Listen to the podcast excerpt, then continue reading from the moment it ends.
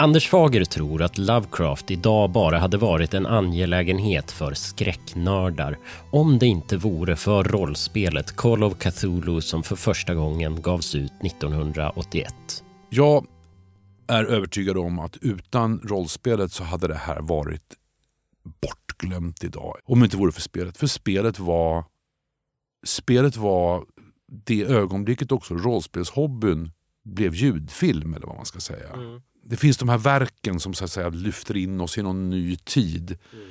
Som när alla skulle köpa CD-spelare och fick med Dire Straits, den här Brothers in Arms. Ah, vilket är helt bizarr, men den blev ju, ja, den, den hörde till på något vis.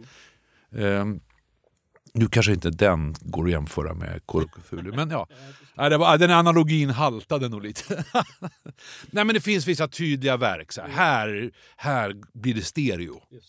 Sgt. Pepper, eller Revolver, de skivorna Beatles gör där. Det, det finns ett före och efter dem verkligen.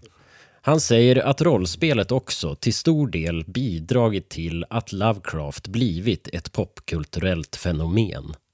När Call of Cthulhu släpptes kändes det nytt. Spelet var banbrytande då. Då gick man från eh, att slugga runt i, i tunnelsystem i någon sorts vag Tolkien-värld eller vara lite Buck Rogers till att dels var det en adoption av en litterärt verk mm. som var helt nytt då, inte på den nivån framförallt. Dels så var det ett, ett spel som skulle utspelas i epok på 20-talet och dels så vann man inte. Nej, nej. Innan dess hade man ju, som vi har gjort sedan dess, härjat omkring i grottor och fått poäng mm. som gjort att vi har blivit bättre på att hoppa och rulla och kasta eldklot och vad vi nu gör. Men här var det ju snarare en erosion av karaktärerna därför att man då blev sakta men säkert galen av de här hemskheterna som hände. Mm. Så det var ju, helt plötsligt så satt ingen och pratade om, om Nej, men min den här trollkaren som har hängt med nu rätt länge, han har ju levlat igen. Utan här var det ju, nej men vi behöver göra nya karaktärer. Igen. Anders Fager beskriver Call of Cthulhu som ett undersökande skräckrollspel. Och det är ett av de rollspelen i världen som det har gjorts mest material till. Det är ett skräckrollspel där man kommer i kontakt med de här förbjudna kunskaperna, med kulterna runt dem, med de här insikterna kring då hur universum egentligen fungerar. Mm. Att den här Cthulhu faktiskt sitter där mm. Sydöst Guam i havet. Mm. Och, och, så försöker man avslöja det här eller stoppa någon djävulsk plan för att han ska, Cthulhu ska vakna eller vad det nu kan vara. Och det här är ju en enorm massa material som har getts ut till det här. Och har också då blivit en sekundär tradition i sig, precis som det litterära. Det här ska man inte underskatta. Att, att ganska många begrepp och grejer kommer ur spelet. Mm, Om man är intresserad av att själv prova på Call of Cthulhu har Gabriel de Boer flera tips.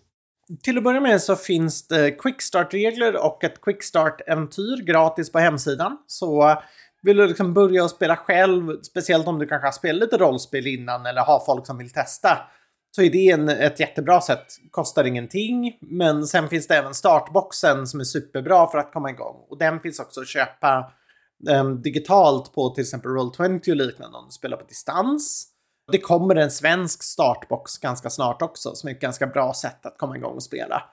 Och sen är det ju som alltid att men, kolla din, om det sker spelkonvent eller liknande i, intill där du bor eller eh, kolla vilka spelföreningar som finns. Finns det rollspelsföreningar så är det många som låter dig prova på. Och um, nu, är, nu när världen börjar komma tillbaks med olika evenemang så är det inte ovanligt att många spelbutiker och så kan ha prova på evenemang. Och sen såklart, internet gör världen mindre. Det finns väldigt många internationella digitala spelkonvent som också är jättevärda att kolla in där du också kan komma och testa och spela på.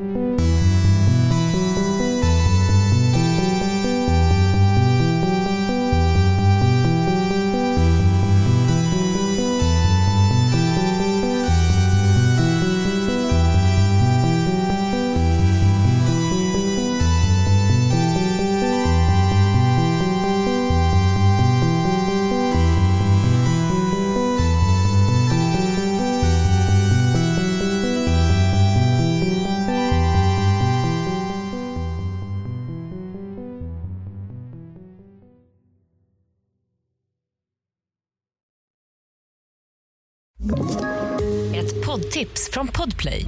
I fallen jag aldrig glömmer djupdyker Hasse Aro i arbetet bakom några av Sveriges mest uppseendeväckande brottsutredningar. Går vi in med hemlig telefonavlyssning och, och då upplever vi att vi får en total förändring av hans beteende. Vad är det som händer nu? Vem är det som läcker? Och så säger han att jag är kriminell, jag har varit kriminell i hela mitt liv men att mörda ett barn, där går min gräns. Nya säsongen av Fallen jag aldrig glömmer på Podplay.